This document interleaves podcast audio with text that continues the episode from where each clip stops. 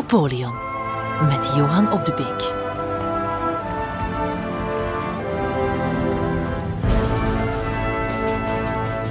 Ik wil van België een ijzersterke voormuur maken van Frankrijk. En ik ben tevreden over de Belgische departementen. Ik heb de indruk dat ze zich met rassenschreden verfransen. Napoleon. Ja, Napoleon en de Belgen. Ik kom op heel veel plaatsen op dit moment in Vlaanderen voor, voor lezingen over, uh, over Napoleon en zo verder. En, en tot in het, de kleinste gemeente uh, is er altijd wel iemand die, uh, die komt vragen, ja, het klopt toch dat hij bij ons geslapen heeft? Of kijk eens, ik heb nog een brief gevonden, of een doodsprentje gevonden van een soldaat van Napoleon die mee is geweest in Moskou, en zo verder. Het leeft bij de Belgen nog steeds. En dat hoeft ook niet te verwonderen, want er was een speciale relatie. Uh, die begon eigenlijk al in 1797.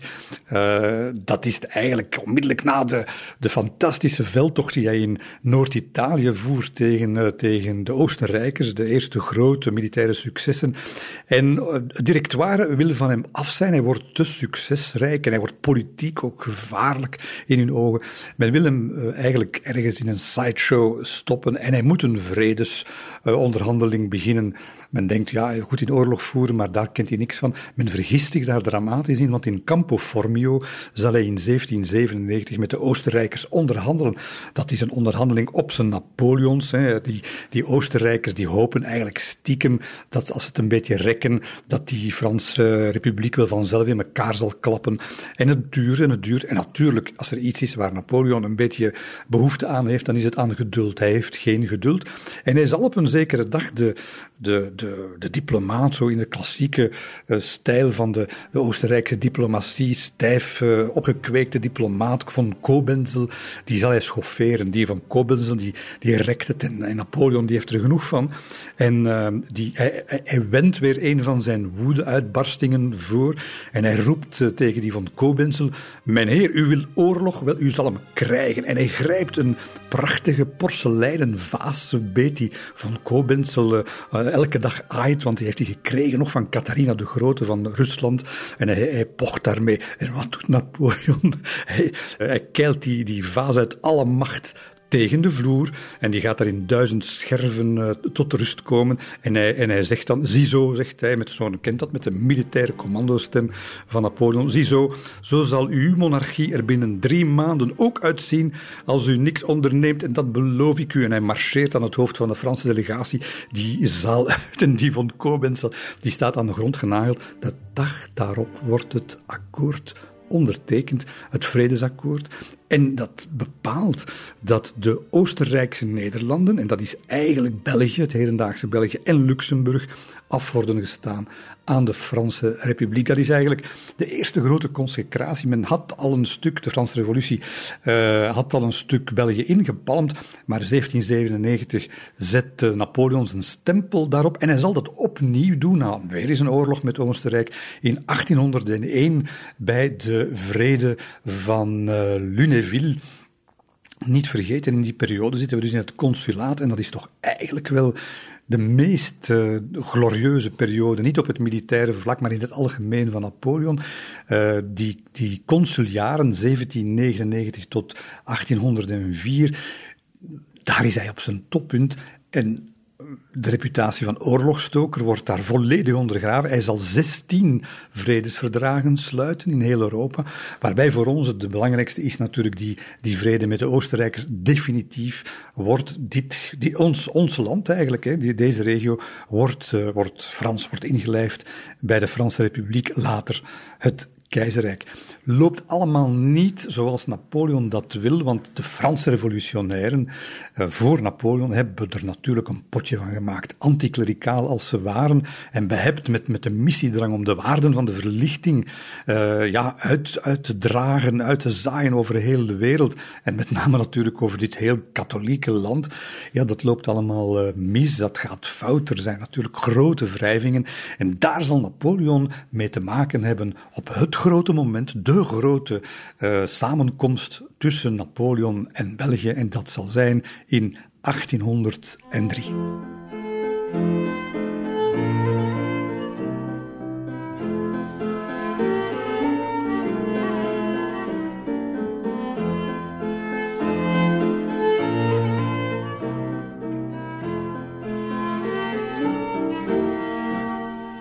Franse revolutie behept met goede bedoelingen. Men wil de, verlichting exporteren, ook naar België. Uh, nog voor Napoleon hier aankomt. En ja, die republikeinse machthebbers die houden natuurlijk geen rekening met religieuze gevoeligheden en de macht van de katholieke kerk. Wat doet men? Men gaat kerkelijke goederen in beslag nemen. Men gaat zich te buiten aan vernielingen. Hè, onder meer in de, de kathedraal van Antwerpen, die dan later, wanneer Napoleon in 1803 in Antwerpen aankomt, worden goedgemaakt. Want hij trekt een grote subsidie uit om de, de, de kathedraal te restaureren. Maar die, die katholieke kerk die, die gaat weerstand bieden natuurlijk tegen die, die Jacobijnen, die, die harde republikeinen van de, van de jaren 90, 1790. En de prelaten, de, de, aartsbisschop van Mechelen en anderen, die vertrekken naar Duitsland, voeren van daaruit oppositie tegen, tegen de Fransen. Het is merkwaardig, want de, het fanatisme komt van de twee kanten, moet ik zeggen. Als je dus nagaat waar die bisschoppen dan tegen zijn, dat is dat tegen de eed van trouw, die de pastoors moeten afleggen. En die luiden als volgt, ik zweer trouw aan de republiek, één en ondeelbaar, gefundeerd op de soevereiniteit van het volk, het representatief stelsel, dat zijn dus verkiezingen, en het handhaven van de vrijheid, de gelijkheid, de veiligheid en de eigendom. Ja, als je dat vandaag hoort, dan denk je, Waar hadden die bisschoppen wat op tegen? Hoe kun je daar nu op tegen zijn? Wel nu, dat waren de principes van, van de Franse Republiek en daar waren ze tegen. Dus het fanatisme zat natuurlijk absoluut bij de Jacobijnen, bij de Republikeinen, maar zat evengoed bij, ja, bij bisschoppen die, die dan op dat moment zich kanten tegen verkiezingen, tegen vrijheid, tegen gelijkheid. Ja, en dan krijg je natuurlijk zo'n heel conflictueuze relatie. Eh, de, de, de, de, correspondentie van de, de correspondentie van de Franse prefecten uit die tijd is ook heel duidelijk, spreekt boekdelen. En ze zijn het er allemaal over eens dat er sabotage is van, van rebelse pastoors, uh, dat lokale besturen moeilijk doen en dat komt door de dienstplicht, belastingen, republikeinse wetten vooral, uh, het onderwijs dat meer en meer publiek wordt gemaakt en dat, dat die moeilijkheden rond, uh, rond de kerk. Als je dan bedenkt dat het de republikeinen zijn die de misbevo in heel praktische dingen, hè, tot de Fransen hier binnenkomen, is de mis niet gelijk voor iedereen. De, in de mis moeten de gewone mensen de eerste vijf vrijen vrijlaten, want daar komen de, uh, de adel komt daar zitten. En dan pas zij. Wel, uh, de, de, de, Jacobijnen nemen de zaak hier over en wat die zeggen is, wie eerst binnen is, die mag eerst gaan zitten. Kijk, dat soort gewone dingen. En daar is men toch op tegen en dat, ja, dat stoort mensen. En uiteindelijk zal het, zal het eh, de grote verdienste toch wel zijn van Napoleon. Hij met het concordaat, met de paus afgesloten, dat allemaal pacifieert.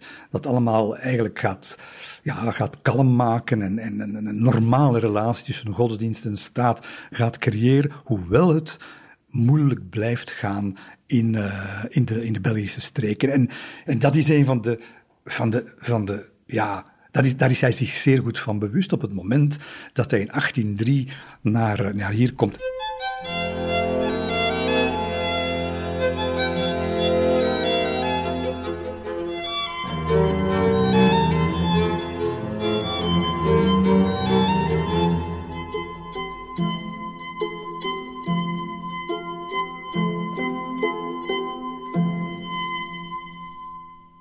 In tegenstelling tot wat vaak wordt aangenomen, denken mensen dat eh, Napoleon voor het eerst, als eerste consul, op het toppunt van zijn macht eigenlijk, in 1803 uh, eh, voor het eerst in, in België is. Dat klopt niet. Hij komt eigenlijk al in 1798, onmiddellijk na zijn grote uh, veldtochten in, in Oostenrijk en tegen in Italië, komt hij naar hier. En hij gaat met Bourrienne, zijn, zijn secretaris en zijn oude schoolkameraad, en Jean Lam, zijn spitsbroeder, uh, Brother in Arms, komt hij naar, naar België. Hij gaat uh, Oostende bezoeken. Waarom? Omdat hij wil onderzoeken uh, of er vanuit onze regio wat kan ondernomen worden tegen de Britten. Dan is hij al bezig eigenlijk met de invasie van het Verenigd Koninkrijk. En die Britten die gaan zijn bezoek trouwens daarna vereren met een bombardement vanuit de zee. En een landing op de Oostendse kust die helemaal mislukt omdat het slecht weer is, maar ook omdat de Franse soldaten, het Franse garnizoen, wordt geleid door een goede commandant, Muscard. En die Muscard, daarnaar is, dat zullen misschien Oostendenaars niet weten, en anderen helemaal niet, daarnaar is de huidige Muscardstraat in Oostende vernoemd.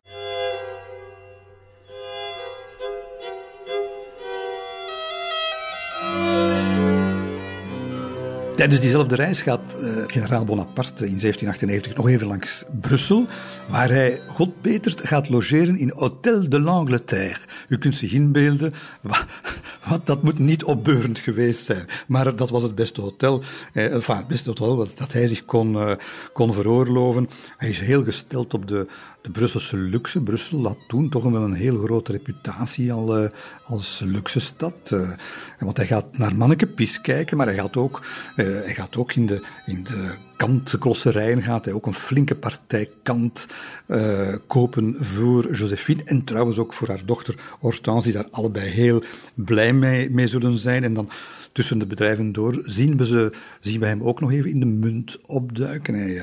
Hij gaat de munt bezoeken. Hij zal trouwens naar aanleiding van dat bezoek de munt volledig laten, laten restaureren. Dat wordt de uiteindelijke munt die we vandaag kennen. En heeft dat, dat hebben we te danken aan dat bezoek van Bonaparte in 98 aan de, aan de munt. En hij is absoluut nog niet de heel bekende Napoleon op dat moment. En toch zul je zien dat in die, in die muntschouwburg, hij heeft zich nog, niet, nog geen seconde neergevleid in de plusje, in de rode plusje, of de mensen beginnen naar hem te wijzen. Want in die tijd werden er al uh, gravures verspreid, met name gravures die hij zelf had laten maken naar aanleiding van die heroïsche overwinningen van het Franse leger uh, op de brug, uh, herinner u, we dat in een vorige aflevering ook al gezegd, de, de bruggen van Lodi en van Arcolé. En daar, dat, de mensen herkennen hem, dat is de man, kijk, dat is hem, dat is die generaal die daar zo ongelooflijk iets heeft gedaan. En er wordt gewezen vanuit alle loges. En hij voelt zich daar niet zo prettig bij. Enfin, hij voelt zich daar heel prettig bij, maar Bourrienne en Land, die kruipen ongeveer onder hun stoel van, van Gêne. Bonaparte niet natuurlijk, hij hoort overal in de, de zaal zijn, uh, zijn naam fluisteren. Maar inderdaad, zodra het doek gevallen is, maakt hij zich uh, meteen uh, uit de voeten. Maar dat is eigenlijk de eerste confrontatie van België met, uh, met Bonaparte. En de, de grote ontmoeting zal plaatsvinden in 1803.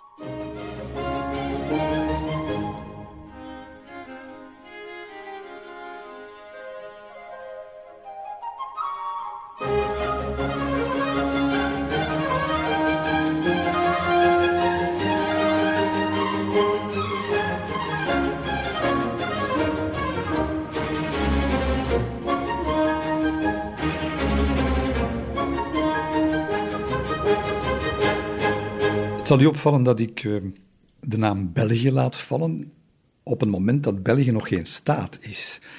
Uh, ik krijg daar af en toe opmerkingen over. Ja, maar België was nog niet, bestond nog niet. Wel, dat klopt eigenlijk niet. Uh, het weten dat België op dat moment een soort begrip is, een regionaal begrip. Men spreekt natuurlijk officieel van de zuidelijke, de Oostenrijkse Nederlanden en dergelijke meer.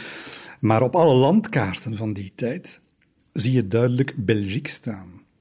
Uh, in de correspondentie van de grote diplomaten, Metternich, Talleyrand, uh, Castlereagh en, en alle anderen die in, die in die periode zullen praten over het land, over de streek hier, wordt over België, over La Belgique gesproken. Dus het is een begrip, het is nog geen staat, dat zal pas zoals we allemaal weten in 1830 gebeuren, maar het is in elk geval uh, in de hoofden van, van, van de toppers in heel Europa is, is het iets aparts, België. En men spreekt over La Belgique en over Les Belges, de Belgen.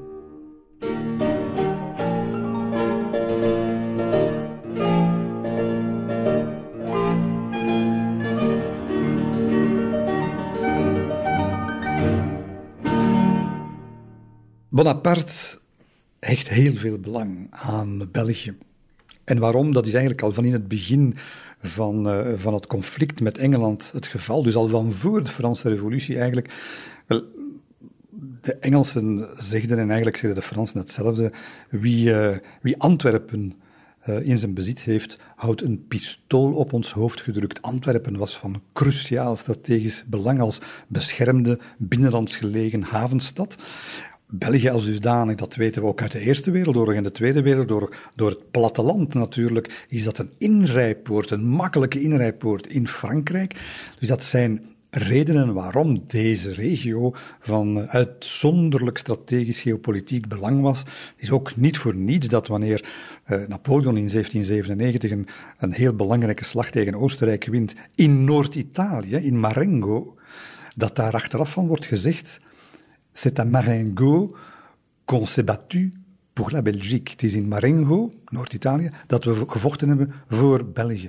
Paradoxaal lijkt het. Nee, het gaat erom dat de, de geopolitiek ten aanzien van Oostenrijk, de grote macht toch wel op dat moment in, uh, in Midden-Europa, dat, dat, dat draaide allemaal rond, rond deze streken. Je zal zien dat dat belang van België van, en van Antwerpen, dat dat doorheen het, de hele Napoleontische oorlogen tot het allerlaatste, tot in 1815, van zeer groot belang zal zijn. Ook in alle correspondenties die je leest van Talleyrand, van Napoleon zelf en van de Britten, van, van de, de Britse premier Pitt, van Castlereagh, de buitenlandminister en zo verder, komt voortdurend dat begrip terug, uh, of die, beter gezegd, die, die drive terug, die, dat streven terug om te domineren of tenminste te controleren wat toen al België genoemd wordt. Dus hij trekt uh, in 1803 naar een regio die voor hem van groot belang is, misschien van de allerbelangrijkste orde.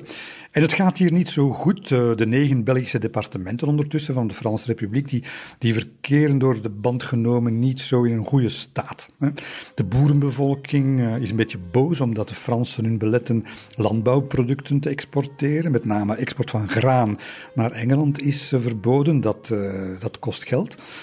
dat leidt wel tot grote smokkel en zo verder, maar onvrede vooral. Algemene infrastructuur is heel slecht. We, we weten dat uh, van, een, van een Franse generaal die op een bepaald moment een, met een koets van Bergen naar Doornik uh, reist. Dat is een afstand van 50 kilometer. Wel, hij schrijft, dat heeft mij tien en een half uur gekost om van Bergen naar Doornik te reizen. Dus die, die wegen zijn in zeer slechte staat. Uh, in vele, in vele steden zit het onderwijs aan de grond. En er is een groot probleem van onveiligheid. Op dat moment, net voor Napoleon eigenlijk consul wordt, is, is België en met name Vlaanderen het meest onveilige departement van het hele Franse keizerrijk. Uh, dit is met name de regio Hasselt en de regio Sint-Truiden, die, die gelden als de, letterlijk de onveiligste streken van de republiek. Het zijn eh, gewapende bendes die, die, uh, die rondreizen, mensen aanvallen. En men heeft bijna geen soldaten op dat moment om, om op te treden. De garnizoenen, daar zitten nog een paar oude veteranen. Uh, een stad als Hasselt wordt ook heel slecht bestuurd. heeft al tien jaar lang geen openbare jaarrekening neergelegd. Dus dat, is volledige chaos. Uh, en het ergste is de situatie in die heel belangrijke stad Antwerpen. Uh, die stad heeft bijna, een, voor Napoleon eraan komt, bijna een jaar in volstrekte anarchie geleefd. Um, want in 1801 schrijft een Franse gezant uh, over de stad, over Antwerpen.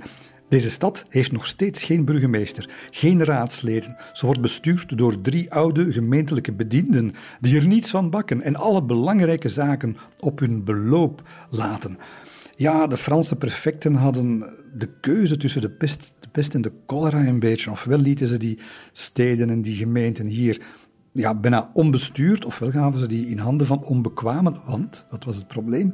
Er waren veel mensen die het konden doen, die, die de capaciteiten, maar die het niet wilden doen, die het niet eens waren met dat harde republikeinse bewind. Ja, en dan had je dus kerels zoals de burgemeester van Hoogstraten in der tijd, ze zullen het niet graag horen misschien, uh, daar in Hoogstraten, maar die, die had het bestaan om tijdens een, een feestbanket ter ere van Joseph Bonaparte, de broer van, in Antwerpen, wel, die, was, die burgemeester die was stiekem aan de haal gegaan met de zilveren messen en vorken. Uh, dat, dat soort sfeer heerste er. En dus wat, wat doet Napoleon, hij weet dat hij in een regio komt die belangrijk is en die niet houdt van de republiek. En hij gaat dat op een heel bijzondere manier aanpakken. Het eerste wat hij doet, eigenlijk twee dingen. Het eerste wat hij doet, is hij stuurt een verkenner vooruit. Het is uh, generaal Lagrange van de gendarmerie die een bijzondere opdracht krijgt. Die moet maanden tevoren moet hij elke stad en gemeente waar Bonaparte zal komen, eh, dat wordt allemaal bijna per minuut uitge, uitgedokterd, wel, elke stad, elke gemeente moet hij gaan onderzoeken. Hij moet daar rapporten over schrijven. Hij moet, en het zijn niet rapporten van twee bladzijden en een paar punten en commas. Hè. Uh, Lagrange is nog geen, nog geen maand uh, hier in België. Of hij krijgt al meteen een uitbrander van Napoleon, omdat het weer niet snel genoeg gaat. U weet, Napoleon, ik heb het al gezegd, het was een bijzonder harde werker. Die, die werkte 20 uur per dag en hij had dus een beetje tijd over om zich met niet alleen de grote dingen, maar ook met de details bezig te houden. En uh, Lagrange die krijgt, uh, die, krijgt een, uh, die krijgt de volgende uitbrander. U zult me notas bezorgen. Over de prefecten, de viceprefecten en burgemeesters van de belangrijkste gemeentes. Over de bisschoppen en andere geestelijken.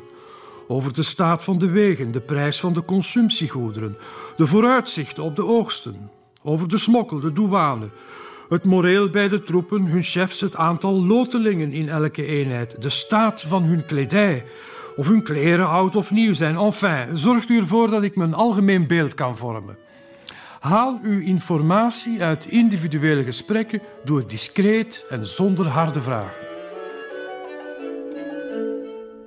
Maar al gauw blijkt dat uh, Lagrange nog wat uh, indiscreter moet te werk gaan, want de eerste rapporten bevredigen uh, Bonaparte helemaal niet.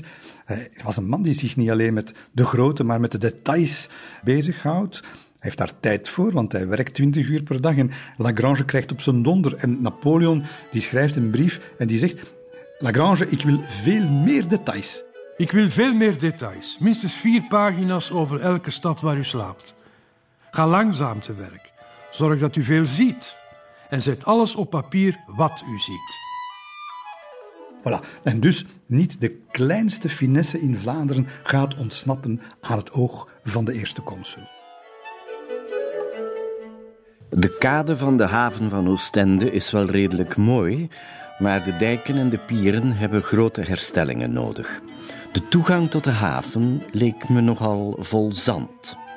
Generaal Lagrange, de 28 juni 1803.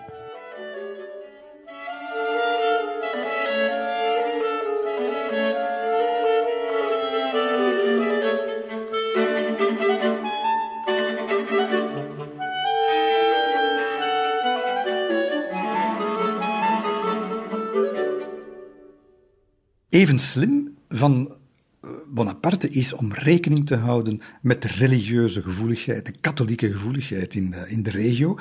Ja, hij is natuurlijk, hij weet dat hij ja, in de ogen van, van de, de Vlaamse, de, de brave Vlaming, dat hij, eh, en ook de Waal, dat hij de antichrist is, hè, dat hij de, de verpersoonlijking is van die Franse revolutie, die, die alles wat godsdienstig is kapot heeft gemaakt. Klopt niet, maar ja, de perceptie, hij is zich heel goed bewust van communicatie en perceptie, uh, Napoleon. En wat doet hij? Hij neemt uh, kardinaal Caprara in de arm, dat is de pauselijke nuntius in Parijs, heel bekend ook in België, heel hoog aangeschreven prelaat. Nu, die man is al 70, die heeft allerlei lichamelijke kwaaltjes. Uh, die zou eigenlijk liever in zijn luie stoel zitten aan het haardvuur, maar nee, hij krijgt het dringende verzoek van Bonaparte om mee te gaan. En dus die Caprara trekt nog eens een keer zijn, uh, zijn mantel aan en die moet de eerste consul vergezellen. En dat geeft natuurlijk Bonaparte een geweldig communicatief voordeel. Hij kan zich nu in België aan de Noorderlingen vertonen met, als het ware, de paus aan zijn zijde.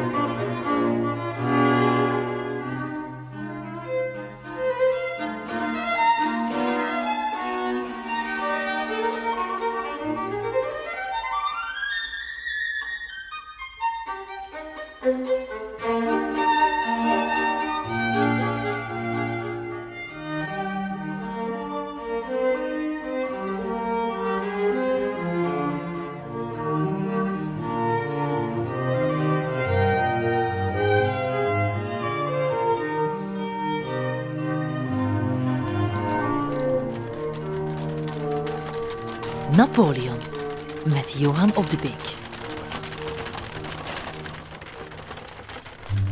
Bij de reis door België van Rijssel tot Antwerpen raakte Napoleon voortdurend in vervoering over de schoonheid, de rijkdom en de elegantie van de dorpen waar hij doorreisde. Overal gingen twee à driehonderd juffrouwen in witte kleren, versierd met bloemen, en evenveel ruiters op prachtige paarden voor hem en zijn vrouw uit. Minister Chaptal. Langs menen dat hij binnenkomt, zal zich al meteen reppen naar Yper, uh, maar daar staan ze klaar met, met bloemengirlandes en, en triomfbogen. Geen tijd voor, de consulaire stoet heeft geen tijd. Stop niet eens, uh, terwijl er geapplaudisseerd wordt, rijdt hij gewoon voorbij. Nieuwpoort, daar moest hij zijn. Ja, aan de kust natuurlijk, daar zit een visserij. Belang en burgemeester Blankaart, die loopt al, die loopt al direct die koets tegemoet, uh, klaagt erover dat er geen Vlaams schip nog de visrijke wateren van de Doggersbank of de IJslandroute bevaart en voilà, uh, Bonaparte onmiddellijk na dat optekenen, uh, en zoals hij alles wat hij hoort zal in detail laten optekenen, en uh, zal zich onmiddellijk ook ontfermen over de dijken en de kades die bevinden zich in een erbarmelijke staat, zal onmiddellijk verholpen worden na de doorreis van, van Bonaparte. Negen uur s'avonds is het al, dan wil hij nog snel naar Oostende. De stad ligt er niet goed bij, havengeul is verwaarloosd. Oostende is niet voldoende bewapend en versterkt. Ik heb het ingenieurskorps van de marine bevolen aan het einde van de pier twee batterijen op te richten om de haven te beschermen tegen elk bombardement. Hij zal daar van alles uit zijn mouw schudden. Hij zal daar niet alleen met uh, Oostende en de kust bezig zijn, maar natuurlijk moet het Rijk bestuurd worden. Hè. Uh, de Republiek, beter gezegd, het is nog geen keizerrijk. Uh, hij zal, uh, hij zal voortdurend met Cambacérès in Parijs in contact blijven. Op 11 juli trouwens zal hij zorgen dat er ehm, drie geschutsbatterijen geplaatst worden op een plek die hij de Place d'Armes zal noemen. Laat dat nu het hedendaagse fameuze Wapenplein zijn in Oostende. Dat is het, het, eh, het, eerste punt dat we herkennen. En dan natuurlijk zal hij, en dat kennen we nog meer in Oostende, de oprichting bevelen van een platform voor mortieren en kanonnen op een duintop langs de oostoever van de havengeul. En dat is natuurlijk de plek waar een paar jaar later het eh, nog altijd prachtige Fort Napoleon zal verrijzen. En dus ja, dat betekende dat een paar maanden later uh, de Britten er zelfs niet meer hoefden aan te denken om Oostende nog uh, in, te, in te nemen. Ja, dat kostte 500 bomen, het bestaan, uh, en, en, maar dat leverde bakkenwerk op in de regio Oostende. Ik ben naar verschillende plekken in België gereisd. Ik ben tevreden over de geestesgesteldheid van de Belgen. Ik heb gisteren de hele dag doorgebracht in Oostende. Ik verlaat de stad op dit ogenblik om langs de kust te reizen tot in Blankenbergen. Vanavond zal ik in Brugge aankomen waar mijn echtgenote zich reeds bevindt. Napoleon.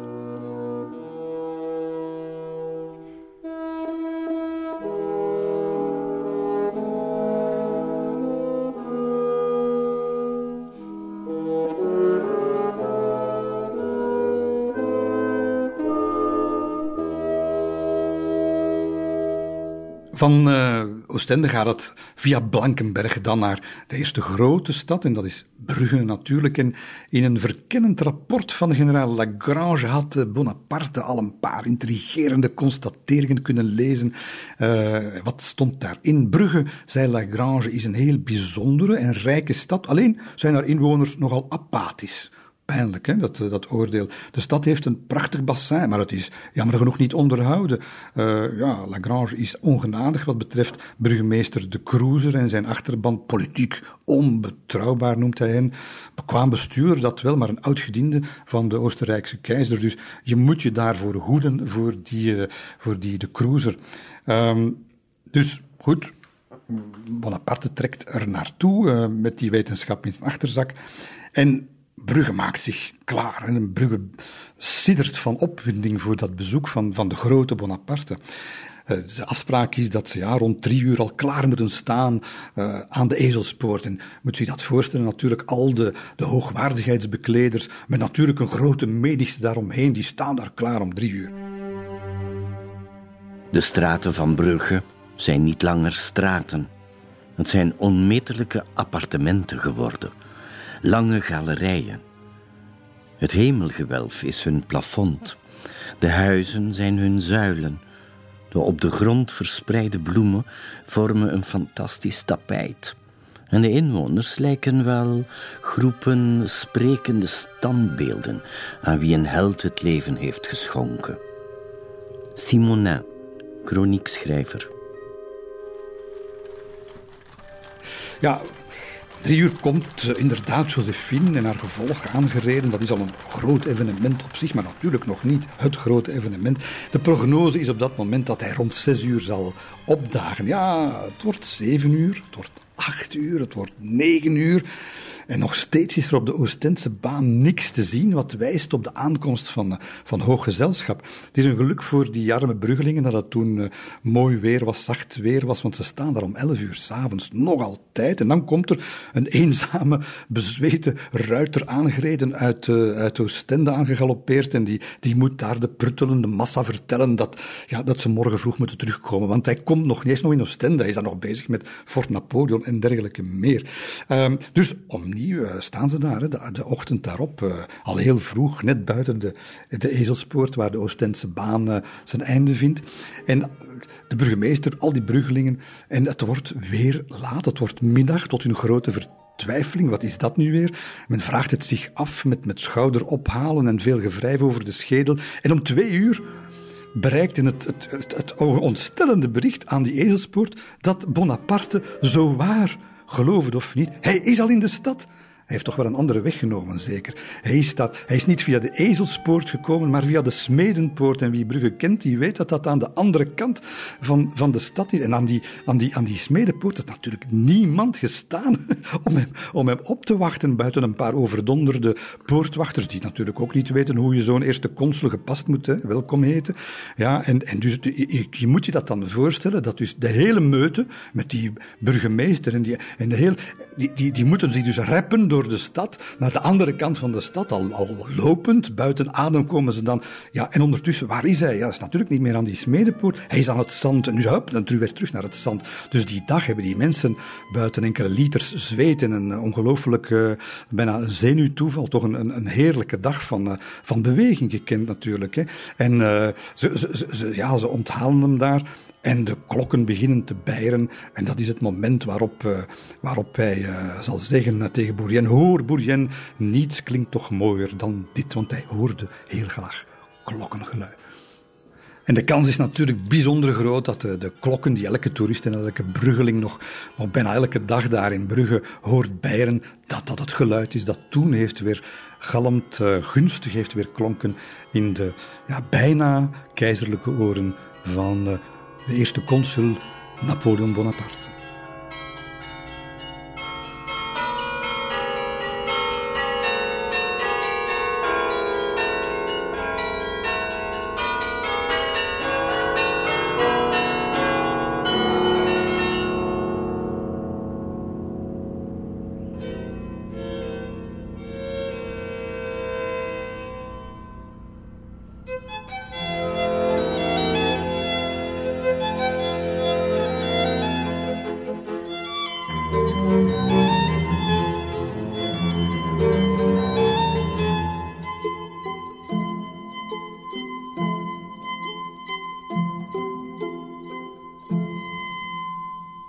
Volgende grote moment is 14 juli. De consulaire karavaan ratelt over Vlaamse wegen in de richting van Gent.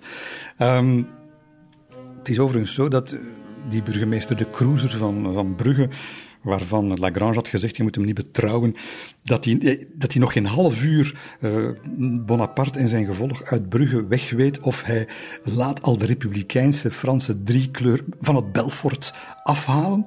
Uh, dat was goed voor de achterban, maar het komt hem later op een, op een scherpe vermaning te staan van de prefect van, van het departement. En die de cruiser, ik heb er toch mijn ideeën over, weet u, want een, jaar nadien maakt hij er dan absoluut geen bezwaar tegen om afgebeeld te worden op het fameuze schilderij van, van de Brugse schilder Oddevaren van het bezoek van Bonaparte. Je kunt dat nog altijd zien uh, in, uh, in het Brugse stadhuis. En daar staat de kroer dan heel, de kroezer dan heel fier naast Bonaparte. Dus uh, zo dubbelzinnig was hij dan ook wel. Maar we zijn op weg naar, naar 14 juli, we zijn op weg naar Gent.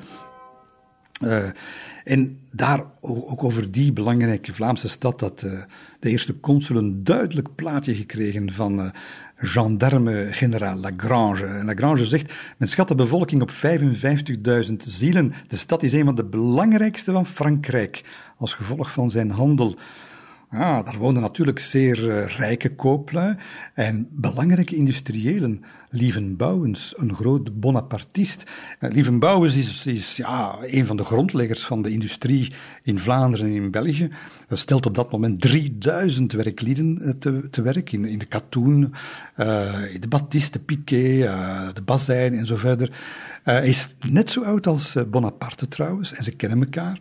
En Bonaparte heeft een heel grote appreciatie voor Bouwens. Niet alleen omdat hij zo'n ondernemer is, zo'n entrepreneur is, maar vooral omdat Bouwens erin geslaagd is om de Britten hun op dat moment belangrijkste uh, industrieel monopolie afhandig te maken. De Moule Jenny. Die Bouwens die was zo stoutmoedig geweest, die Gentenaar, om naar uh, het Verenigd Koninkrijk af te reizen, daar te gaan spioneren. En hij zal die unieke spinmachine, die de Mule Jenny uh, genoemd wordt, die, die, kon, die kon sterker draden, katoendraden spinnen, fijnere katoendraden spinnen dan om het even welke andere machine. En daardoor bood die machine een geweldig concurrentieel voordeel aan de Britten. Wel, hij heeft uh, zo'n toestel gesmokkeld uit Groot-Brittannië, uit het Verenigd Koninkrijk, over zee, is daarvoor ter dood veroordeeld bij verstek door de Engelsen en heeft hij dan gereproduceerd in Gent en heeft daar natuurlijk uh, een geweldige dienst bewezen aan de Gentse economie, maar natuurlijk ook aan de economie van, uh, van de Republiek en van later het uh, keizerrijk. En Napoleon vindt dat een heerlijk verhaal. Hij benoemt trouwens tijdens zijn verblijf in Gent in 1803, benoemt hij Bouwens tot burgemeester. Uh, Bouwens zal dat een jaar zijn en hij zal dan al aftreden. Hij zegt zelf, ja, dat is om mij beter met mijn fabrieken te kunnen bezighouden. Qua tongen, tongen beweren dat, men, uh, dat de Gentenaars, de, de anti-Bonapartisten eigenlijk, uh, of de elite beter gezegd, hem gedwongen heeft tot aftreden. Zeker weten we het niet. Maar wat we wel weten is dat ja, het bezoek aan Gent is een heel belangrijk, politiek belangrijk bezoek natuurlijk. En dat wordt ook weer maanden op voorhand door de prefect voorbereid. Langs de kant van de weg, uh, uh, in alle Gentse straten, op de Kouter en zo verder, uh, worden plekken vrijgemaakt waar het publiek moet gaan staan. Er wordt zelfs bepaald wat ze moeten roepen, wanneer ze moeten applaudisseren. Nu, wanneer de, de karavaan van Bonaparte daar langs trekt, gebeurt er niks. De autoriteiten spanden zich vergeefs in om de inwoners aan te sporen. Ze toonden zich nieuwsgierig, maar niet onder de indruk. Er wordt niet geapplaudisseerd. Er is heerst een soort apathie. En dat valt heel slecht natuurlijk. De consul werd er enigszins humeurig van en kwam in de verleiding om geen verblijf te houden in de stad. Ja, Bonaparte klaagt s'avonds tegen zijn echtgenote van deze stad staat onder de invloed van kwezelarij pastoors. Is natuurlijk boos op die... Maar ja, je moet er wel mee leven. En hij bedenkt een tegenzet. Hij gaat een charme-offensief uh, voeren. En hij gaat uh, iets wat hij, wat hij eigenlijk niet graag doet en wat hij zelden doet, maar hij gaat twee dagen daarna in groot ornaat samen met Josephine naar de mis de grote anticlericaal naar de mis. En vanaf dat moment kan hij niet meer stuk in Gent. Ze applaudisseren terug, ze zijn terug enthousiast. Er worden vuurwerken, uh, vuurwerkfeesten aangericht en zo verder. Dit volk hier is zo devoot en ligt onder de invloed van zijn priesters. We zullen dus morgen een lange sessie moeten uitzitten in de kerk, met wat voorzichtigheid de klerus voor ons innemen en dan winnen we wel weer terrein. Hij woonde inderdaad een hoogmis bij en zag eruit alsof hij in diep gebed verzonken was. Hij sprak met de bisschop, die hij helemaal verleidde, en daarna oogste hij in de straten de toejuichingen die hij wenste. Claire de Remusat, hofdame. Is het allemaal koek en ei? Wel, uh, niet helemaal, want op een receptie, dat is eigenlijk best komisch, uh, gaat hij, uh, ja, heeft nooit veel tijd. Het moet allemaal snel gaan. Uh, korte gerichte vragen aan uh, de burgemeesters van elk departement, waar de problemen zijn, hoe ze die denken op te lossen. Tijd voor getallen heb je dan niet. Wie stottert of niet ter zake komt, die, die laat hij gewoon ter plekke staan en dan gaat hij ergens anders een beetje verder praten. En dat onheil overkomt Warempel, de Gentse burgemeester in persoon. Nu, wat is er gebeurd? Hij bevraagt die burgemeester over de economische industriële activiteiten in, in Gent. En hij noemt onder meer de raffinaderij. Dat is op dat moment een belangrijke activiteit. Er waren er dertien. En de burgemeester die weet het beter en die zegt, het zijn er negen hoor. Uh, ja, Napoleon zegt negen, het zijn er dertien. En hij kijkt naar de raadgevers van de burgemeester en die kunnen niet anders dan ze allemaal opnoemen. En het zijn er dus inderdaad geen negen, zoals de burgemeester zegt, maar dertien, zoals Napoleon, die moet uh, uh, weten wat er overal gebeurt in, in, het, in het Rijk, maar dus ook in Gent, die weet het beter dan de burgemeester, die Gent ondertussen al tien jaar bestuurt en met een blik vol minachting kijkt hij nog één keer naar die burgemeester van Gent, laat hem staan voor wat hij is en gaat elders zijn gesprekken verder zetten. Dat was een van de mindere momenten uh, en de, de stroppendragers uit Gent zullen er jaren nog later uh, nog altijd niet over uitgepraat raken. Ik ben naar een erg mooi feest gegaan dat de handelaren van Gent voor mij hadden georganiseerd op de Grote Markt. Vandaag ben ik met veel pracht en praal de mis gaan bijwonen in de kathedraal. Morgenochtend vertrek ik naar Antwerpen. Napoleon.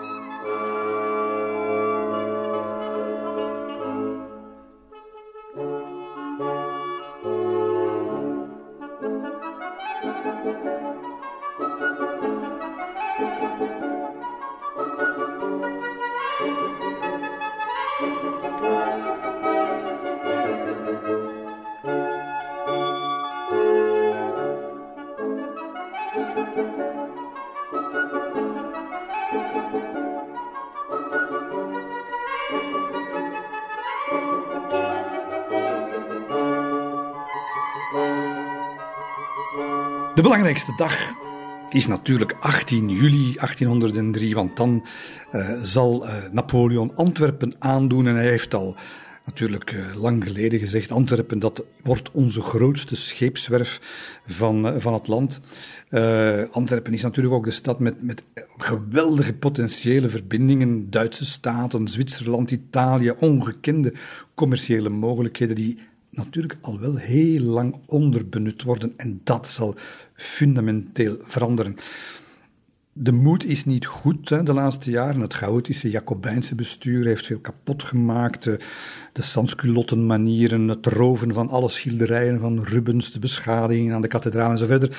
Dus hier moet hij heel veel goed maken, maar dat is natuurlijk aan een politiek communicator als Bonaparte heel goed besteed. En om vijf uur in de namiddag bereikt hij de Schelde vanuit Zwijndrecht, dus van op de linkeroever.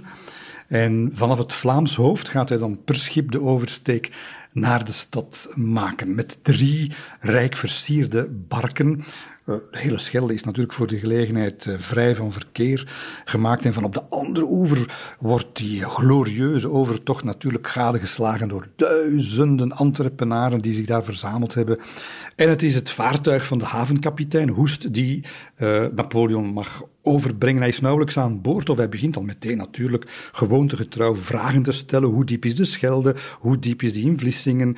Kunnen er grote oorlogsschepen varen? Ja, dat kan niet. Uh, en tijdens de overtocht, uh, daar aan het Vlaamse hoofd, gaat hij aan Jean-Antoine Chaptal, zijn meegereisde minister van Binnenlandse Zaken, belangrijke opdrachten geven belangrijk voor Antwerpen, voor de toekomst van de stad. Hij zegt, ik wil hier een grote scheepswerf bouwen, zegt hij, goed voor 22 kolossale oorlogsschepen. En hij wijst naar een klooster op de andere kant. Hij zegt, morgen koopt je dat klooster en alle omliggende huizen. En dat gaat de eerste grote scheepswerf worden voor Antwerpen. Het is een gigantische beslissing voor Antwerpen die hij daar neemt in het midden van de stroom van de rivier in een oogwenk.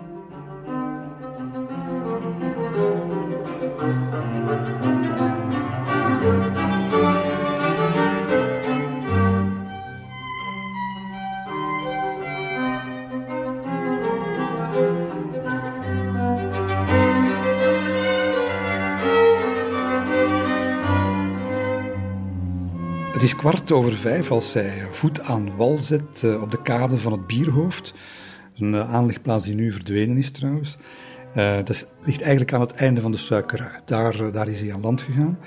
En alle kerkklokken in de stad galmen. Het is een romantisch tafereel. Eigenlijk de avondzon werpt een, een gloed over de daken en over de, de Sint-Walburgiskerk die daar staat. En je moet je dat voorstellen. Er staan daar piramides opgesteld. Een, ter, glorifiering van, van de Egyptische veldtocht. Er staan triomfbogen, Latijnse opschriften. Uh, die al de verovering van Engeland in het vooruitzicht stellen. Overal vlaggen. Allee, Antwerpen op zijn best. En de, de Fransen doen ook uh, hun, hun hun moeite hoor, want je ziet niet alleen, uh, Napoleon komt als laatste aan, maar eerst hebben ze de Antwerpenaren al kunnen bewonderende blikken werpen op de hemelsblauwe kostuums met de zilveren stiksels van Talleyrand, Chaptal. Uh, achter uh, hen komt dan generaal Duroc, de persoonlijke lijfwacht van Napoleon Roestam, in zo'n exotische woestijnuniform dat men nog nooit gezien had. Allemaal ravissante verschijningen. Dan komen er de echt ravissante verschijningen. Josephine, met haar hofdames, je kunt zich dat voorstellen. Het Fortuné, is daar ook bij. En dan de grote generaals, waar ze allemaal over gelezen hebben. Uh, Lannes, Masséna, Berthier, Lauriston, Soult, Colincourt, Rap, Savary.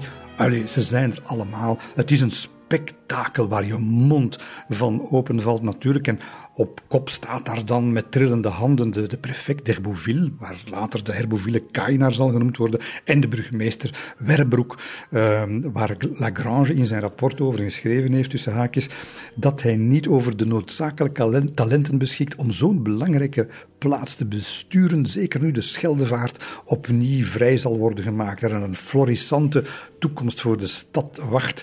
Maar ja, die Werbroek heeft alle zeilen eh, bijgezet. Hij gaat de stadsleutels op een zilveren schoteltje aanreiken. En dan komt er een, een, parcours is uitgestippeld in de hele binnenstad. Al die straten zijn met fijn zand bedekt en afgezoomd met mastboompjes die verbonden zijn met bloemslingers en koortjes langs de kant en triomfbogen. Enfin, het is een ongelofelijke toestand. De dag daarop is er een, een speciale omgang met een, een reus natuurlijk, een Antwerpse reus die daar en die dan, ja, die dan uh, Napoleon moet voorstellen. Enfin, alles wordt daar in het werk gesteld om hem te vleien. Maar zelf heeft hij ook iets in petto. Het is 1803 en in zijn entourage en ook bij hem rijpt al een beetje het idee om de volgende stap te zetten en het consulaat te laten voor wat het is, de republiek een stukje te laten voor wat het is. En dat keizerschap komt al een klein beetje in beeld. Maar ja, Frankrijk is, is diep republikeins. Die achterban van Napoleon is echt republikeins. Dus hij wil voorzichtig zijn. En wat doet hij? Hij gaat van de gelegenheid gebruik maken daar in Antwerpen om al een paar, ja, bijna koninklijke rituelen te verrichten, uh, etiketten uh, die, die, die koninklijk lijkt. En hij wil vooral testen hoe reageert het publiek daarop en hoe reageert zijn eigen uh, achterban, met name bijvoorbeeld ja, republikeinse generaals als Masséna en zo, hoe reageren die daarop? En het valt allemaal best mee. er zijn uh, hofdames uit het gezelschap van Josephine die hem heel goed kennen, die elk spiertje in zijn gelaat, de, de, de, de, lichaamstaal weten te lezen. En ze zeggen, hij, hij keek ernaar en je, je, je voelde dat hij niet kon tonen dat hij verheugd was, maar we zagen aan lichte tintelingen in de ogen dat hij wist, ja, dit gaat lukken.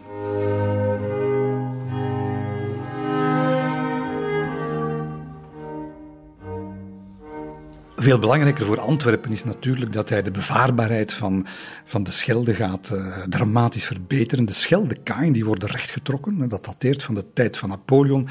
Over een lengte van 1500 meter. Dat betekent onbelemmerd scheepvaarverkeer eigenlijk. Een, een hypermoderne haveninfrastructuur.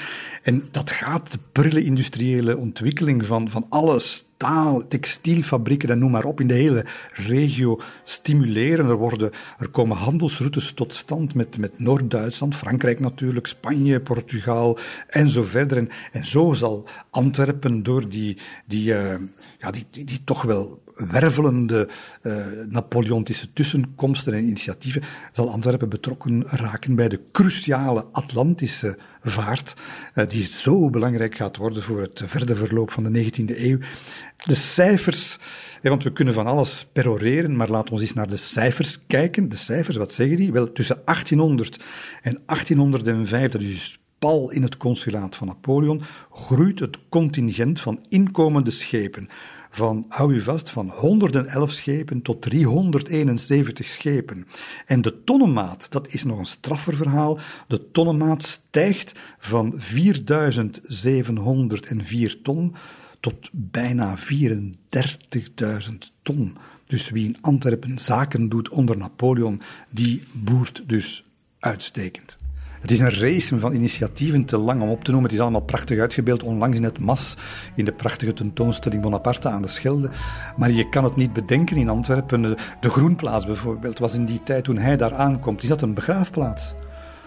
De, de doden en dus ook eh, alles, al de, de, het gebrek aan hygiëne in het centrum van de stad dat daarmee gepaard gaat. Dat zijn middeleeuwse gebruiken. Hij schaft dat af. Hij zal de, de belangrijkste verkeersaders in de stad het paleis aan de Meer, laten we dat ook niet vergeten. Het zijn allemaal dingen die, die rechtstreeks met Napoleon te maken hebben. Er zijn weer indianenverhalen die tot vandaag nog altijd bestaan, dat Napoleon de kathedraal ging afbreken. Ja, dat is complete nonsens. Het omgekeerde is, uh, is waar. Het is, is meer dan dat. Hij gaat de hele binnenstad renoveren.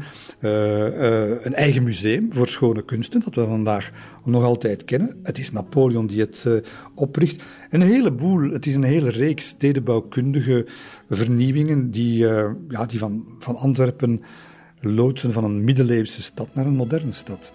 En uh, ja, er is tegenkanting, uh, getallen van, van conservatieve lokale overheden, maar het lukt natuurlijk niet. Bonaparte, dat is een wervelstorm, die, die hou je niet tegen. En ja, je moet toch zeggen, de aanraking tussen Bonaparte en Antwerpen, dat betekent toch de start van een onomkeerbaar proces van grondige stadsrenovatie, en van maatschappelijke vernieuwing.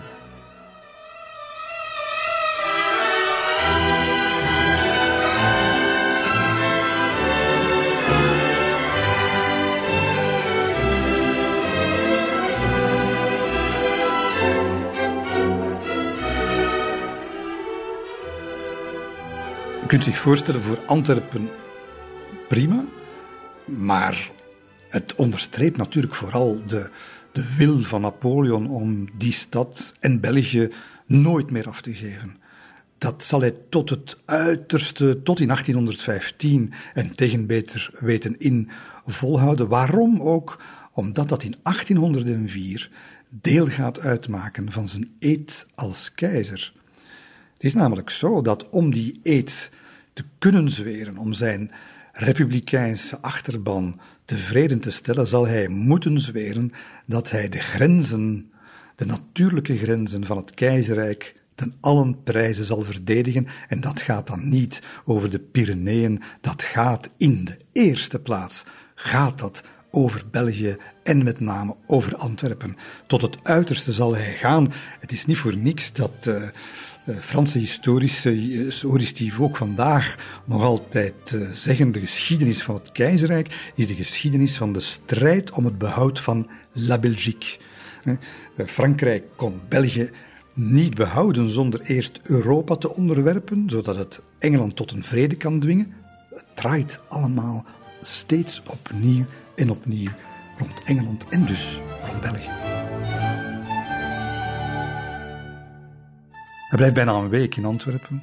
Feesten, recepties, maar ook veel brieven, het runnen van uh, de internationale relaties, dat gaat allemaal door. En hij slaapt, hij zal slapen in het aartsbisschoppelijk paleis. Op dat moment heeft hij nog niet uh, zijn oog laten vallen op dat fameuze paleis aan de Meer. Hij kent dat al, wordt daar eigenlijk wel wat verliefd op.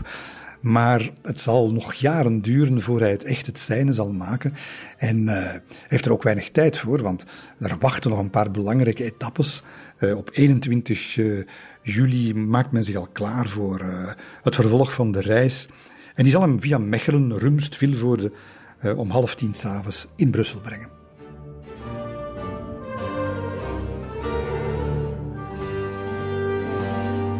In Brussel gaat uh, Bonaparte logeren in de prefectuur bij het park, het Warandenpark. Dat is eigenlijk de plek waar uh, in 1831 de eerste Belgische koning zal uh, huizen. Het Koninklijk Paleis eigenlijk. Wordt daar op een donderende ovatie onthaald. Maar hij is een beetje, ja, Napoleon is nooit een grote feester geweest.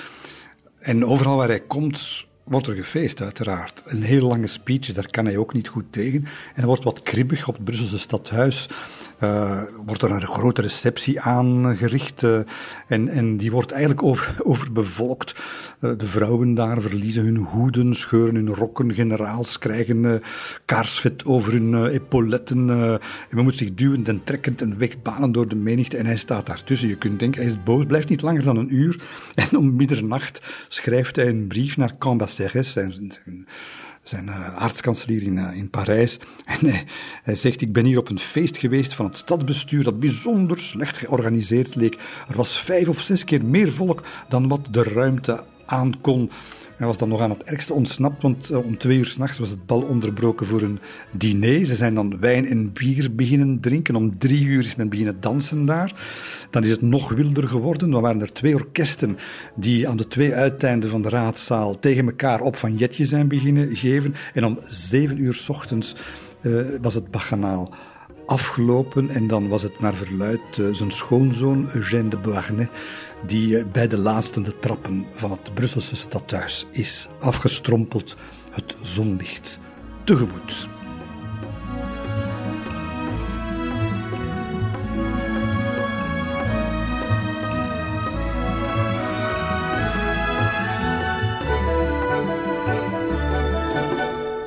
Volgende avond was het weer jool in het Warandenpark. Alle uh, bomen zijn daar behangen met lampions. Uh, tienduizenden uh, feestgangers, fanfares, orkesten en zo verder. En men ziet daar Josephine natuurlijk in haar Parijse glorie te midden van, uh, van een heel aantrekkelijke gros jonge dames en, en heren.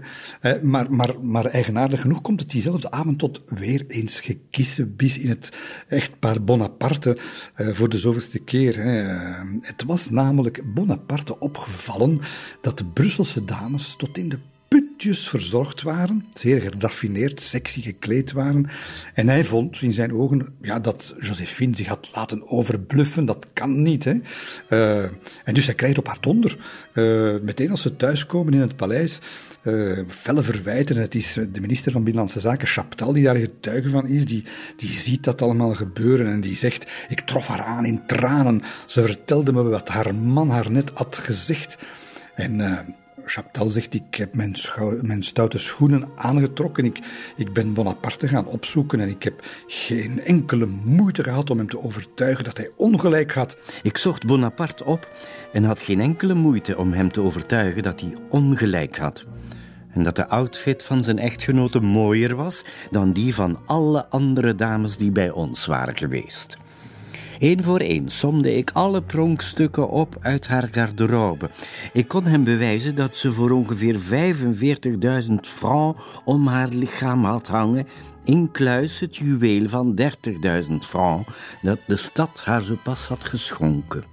Voilà, Chaptal moest tussen beiden komen om uh, de, de duizendste uh, rel in, uh, in het echtpaar Bonaparte weer eens glad te strijken.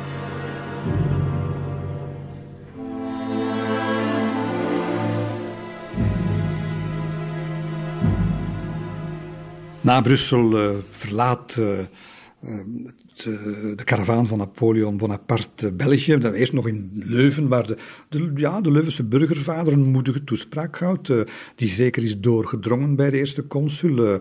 Hij zegt eigenlijk, die burgemeester Berriot, die zegt, geen, ja, die weinig lofzangen en zo verder, zoals in de andere steden. Maar hij zegt de voorspoed van deze stad, die school vroeger in handel en logistiek en vooral in de universiteit die al vier eeuwen bestaat. En dan zegt hij, zowel het ene als het andere heeft men ons afgepakt. Deze stad was ooit springlevend en nu gaat ze ten onder. Dit is een slag in het gezicht van de eerste consul. Hij luistert, hij absorbeert en vervolgens gaat hij die toespraak straal negeren.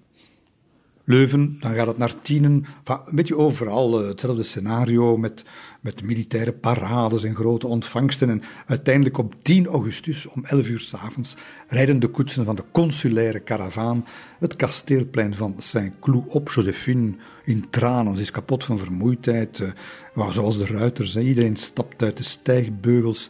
46 dagen heeft dat bezoek toch wel geduurd. Eerst aan Noord-Frankrijk en dan aan België. Ik denk dat het een 1803 was een gezegend jaar voor, uh, voor Napoleon. Het was een, eigenlijk bezoek aan België een triomftocht, mag je zeggen.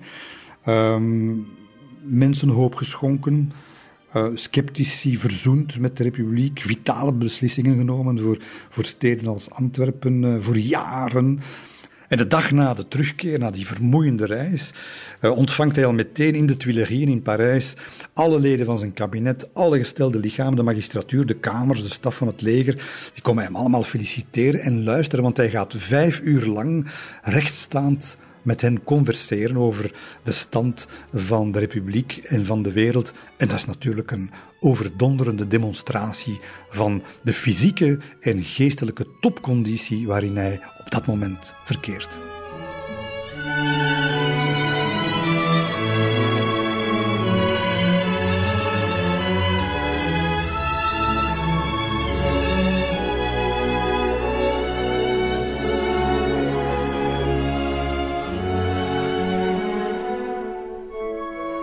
Datzelfde jaar 1804 glipt hij nog uh, naast Oostende nog even Brussel binnen, uh, op doorreis eigenlijk, omdat hij naar Duitsland wil. En hij zal een uh, plots bezoek willen brengen aan het kasteel van Laken, hè, de latere residentie van de Belgische, Belgische vorsten. Een bijzonder verhaal, want het kasteel van Laken heet dan nog het kasteel van Schonenberg.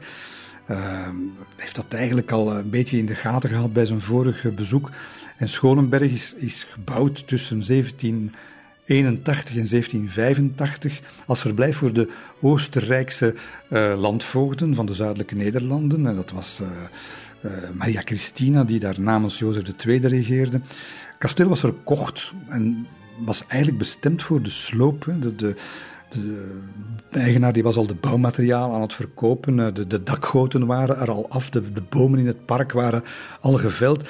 En, en Napoleon wilde dat niet laten gebeuren. En hij geeft tijdens zijn bezoek al in 1804 eh, het, uh, het bevel aan minister Marais um, om het, uh, de sloopwerkzaamheden stil te laten leggen, want hij wil het kasteel kopen.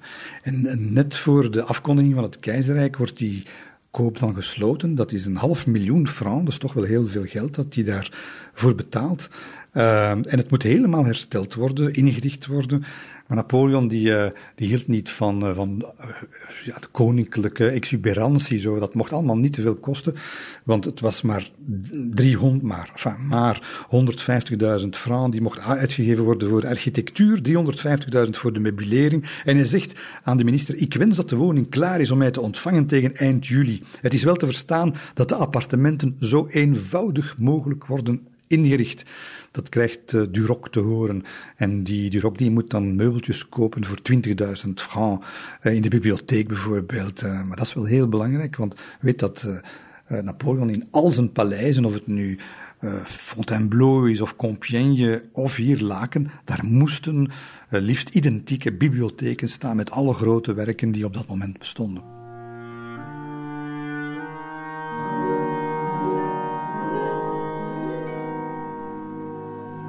Zijn natuurlijk nog wel meer indirecte linken tussen uh, ons koningshuis en, uh, en Napoleon. Met name Leopold I. Leopold I uh, was, voor hij koning was van België, was natuurlijk een middelmatig vorstje in het midden van Duitsland. In een van die honderden vorstendommetjes was hij, was hij baas, Saxen-Coburg. op het hoogtepunt van Napoleon ja, heeft hij even uh, de neiging om uh, met het uh, Napoleontische leger op te trekken, kiest uiteindelijk voor Rusland, trekt de verkeerde kaart met andere woorden en zal daar enorme spijt van krijgen, want op het moment dat Napoleon natuurlijk het voor het zeggen heeft in, in Duitsland, ja, Saxen-Coburg krijgt op zijn donder. En in 1808 zien we die Leopold opduiken in Erfurt. Dat is naar aanleiding van de grote conferentie tussen de tsaar en Napoleon. Um, En Napoleon wil daar indruk maken eigenlijk door alle bevriende Duitse vorsten en vorstjes uit te nodigen. En Leopold van Saxen-Coburg is daarbij. Want Napoleon wil dat het tsaar met eigen ogen ziet dat die allemaal uit Napoleons hand eten. Um, en ja, Leopold uh, is eigenlijk nauwelijks een tweede rangsfiguur op dat moment in, uh, in Erfurt. Uh, zijn contact met Napoleon is beperkt tot het bijwonen van de lever. Dat is dus het keizerlijk ontwaken. Maar is eigenlijk een moment van overleg. Hij heeft dan een minuutje de tijd om ook eens iets te vragen in, dat, in dat ochtendritueel. Um, hij komt eigenlijk compensaties vragen voor de oorlogsschade. Smeken, zullen we maar zeggen. Uh, het is geen gelukkige relatie, want Leopold was eigenlijk een aardsconservatief. Hij had een, een verschrikkelijke hekel aan de Franse revolutie. Um, en hij zal jaren later, wanneer het einde nadert van, uh, van Napoleon en het Duitse nationalisme in Berlijn en in Pruisen de kop opsteekt, zal hij een van de, van de sterkhouders zijn, van de, de aanwakkeraars en de aanvoerders van de, de bevrijding, zoals dat dan genoemd wordt, en van de, op, de opmars van het, van het nationalisme en het herstel van de oude waarden in, uh, in wat toen toch een zeer, zeer, zeer conservatief, reactionair Duitsland was.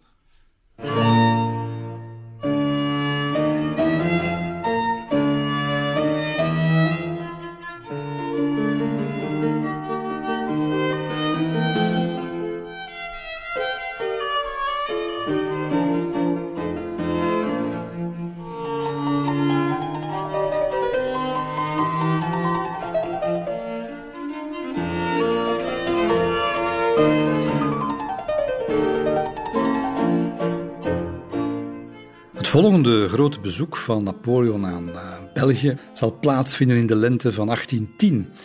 Uh, hij is pas eigenlijk in het huwelijk getreden met uh, het politieke huwelijk, met Marie-Louise van Oostenrijk. En, en meteen en bijna vertrekken ze naar het noorden. En Napoleon heeft daar een dubbele agenda mee. Hij wil de keizerin uh, plezier doen met, een, met zo'n reis, maar haar ook tonen aan de Belgen en de, en de Nederlanders. Maar dat is niet zijn enige motief. Er is ook een, een heel uh, ander strategisch motief. En het is Meneval die uh, dat heel, uh, zijn secretaris, die dat, die dat heel juist weet te omschrijven.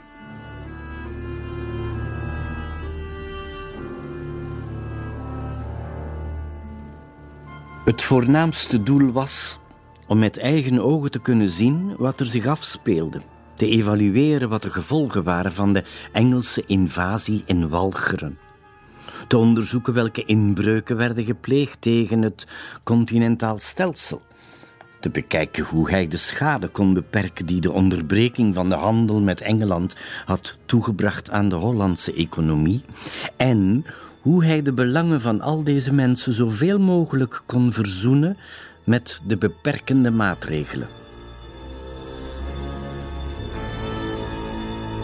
Dus hij is er niet gerust in. Hij wil gaan controleren hoe ver het met, uh, met al die beslissingen die in 1803 genomen zijn, bijvoorbeeld over Antwerpen, maar ook hoe de bevolking denkt, want die leidt natuurlijk intussen onder de economische oorlogsvoering met Engeland. En op 27 april 1810 verlaat dan de keizerlijke karavaan Frankrijk. En het bezoek dat hij brengt met Marie-Louise zal een ander bezoek zijn dan, uh, dan zeven jaar voordien met uh, Josephine. Uh, de economie kreunt op dat moment. Um, en ja, er is toch een achtergrond van ongenoegen en, en vrevel over het beleid, over het regime. Uh, het is niet meer de, de hoop op de, de nieuwe man. Er zit wat sleet op en zo verder. Ja, elke toppoliticus, elke staats- en regeringsleider kent dat. Hè, te lang aan de macht en dan raak je wat opgebrand en dan zijn de mensen niet minder tevreden. De hoop is weg. Hè. En dat is de sfeer waartegen, de, de decor waartegen heel dat bezoek zal plaatsvinden. En hij merkt dat meteen al wanneer ze op 29 april in Brussel aankomen en meteen Napoleon boos, want hij ziet langs de kant van de weg eh, bij het binnenkomen van Brussel een spandoek hangen waarop hij leest de hemel zegene dit huwelijk. Dus het huwelijk Napoleon Marie-Louise, Oostenrijkse, de hemel zegene dit huwelijk. Zij zal voor ons een tweede Maria Theresia zijn. Ze brengt ons de vrede.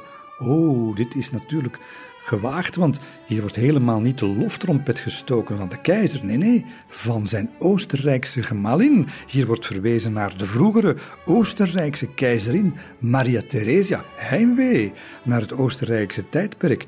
dit is niet goed. Dit is niet wat hij, eh, wat hij gehoopt had. En Maria-Louise, uh, Marie-Louise wordt de hemel ingejuicht hè, uh, in de straten van Brussel, terwijl Napoleon als ergens komt, die krijgt een beleefdheidsapplaus. Ja, dit is, dit is niet goed. Um, en hij ja, is ongerust, hij weet dat natuurlijk ook wel. Maar de belangen zijn te groot om, om het ego nu te laten spelen. Hij moet vooral zien dat uh, de zaken lopen zoals ze moeten lopen. En hij zal natuurlijk uh, heel benieuwd zijn om een paar dagen later Antwerpen weer te vinden.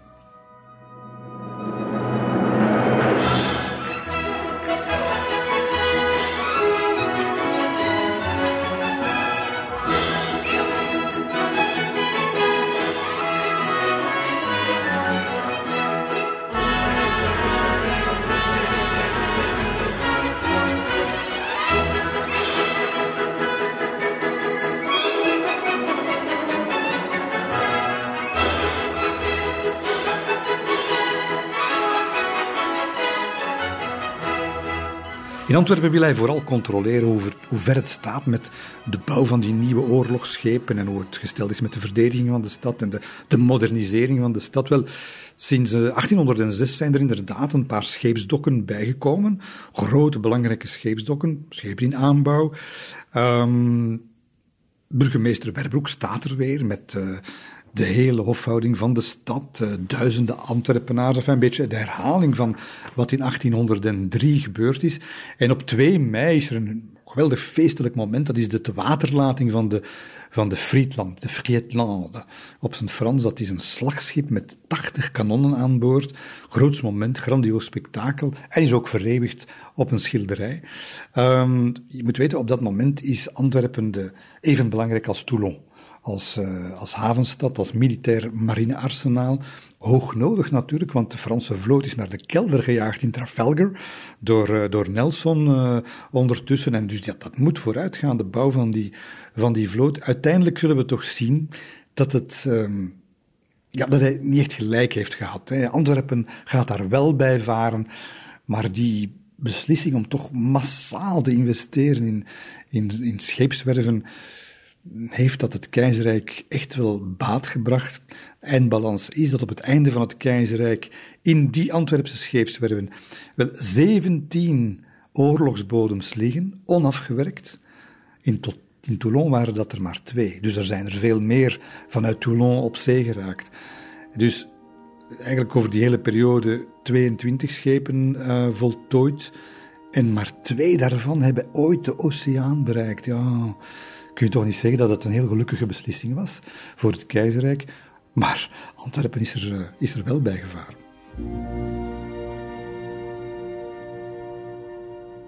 Zijn tocht door de stad was een ware zegepraal. Zelfs de meest misnoegden lieten zich meeslepen door de betoverende invloed die Napoleon op alles wat hem naderde uitoefende. Hij onderzocht het grote dok met de grootste oplettendheid, al was het een van de wereldwonderen. En dan zei hij: Dit is een prachtig gedenkstuk, mijn heren. U hebt door dit roemrijke werk het Franse ingenieurkorps onsterfelijk gemaakt. Deze enkele woorden waren genoeg om de vermoeide officieren van de genie te belonen. Tranen van vreugde rolden langs hun wangen, terwijl ze Napoleon met een oorverdovend hoera bedankte voor zijn toespraak. Charlotte de Sor.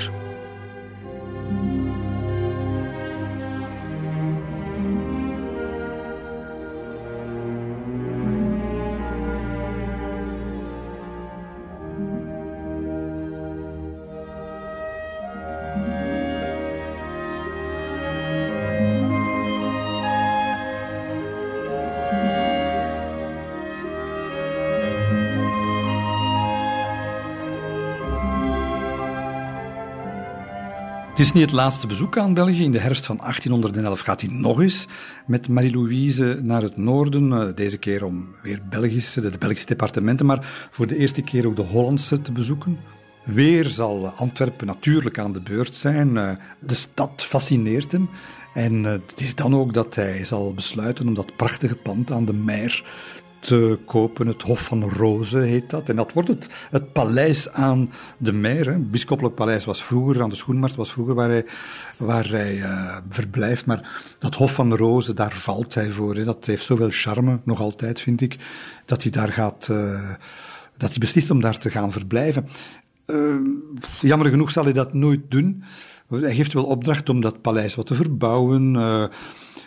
En neemt zich voor om daarin aan 1812 opnieuw te resideren. Maar 1812 wordt het dramatische jaar natuurlijk van de, de veldtocht tegen Rusland. Hij gaat die kans nooit meer krijgen. En de ironie, de ironie van het lot is toch dat de allereerste die dat paleis aan de Meer gaat bewonen, dat dat niet Napoleon is, maar zijn voormalige vriend en bondgenoot en latere aardsvijand.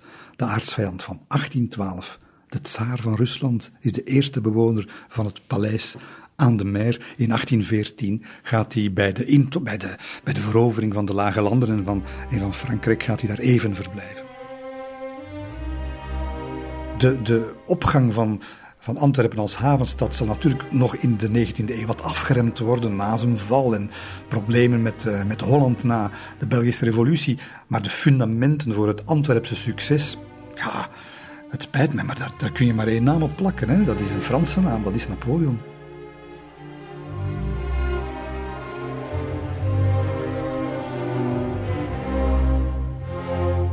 We zijn thans aan de laatste uren van Napoleons verblijf in Antwerpen gekomen. Op het ogenblik van zijn vertrek trokken de troepen in gelederen aan hem voorbij. De officieren en soldaten betuigden hun gehechtheid aan hem door een luid gejuich en geschreeuw: Leven de keizer! Toen Napoleon zijn paard in beweging bracht, verlieten de mannen het gelid, doof voor de bevelen van hun overste. Ze omringden en volgden hem en riepen: Vaarwel, keizer, tot wederziens, tot een spoedig wederziens. En Napoleon antwoordde met een gelaat en op een toon die niet te beschrijven is: Vaarwel, mijn vrienden, vaarwel, mijn kinderen. Terwijl hij tegen de officieren die hem een doortocht wilden banen fluisterde: Laat hem begaan, laat hem maar begaan. Charlotte de Sor.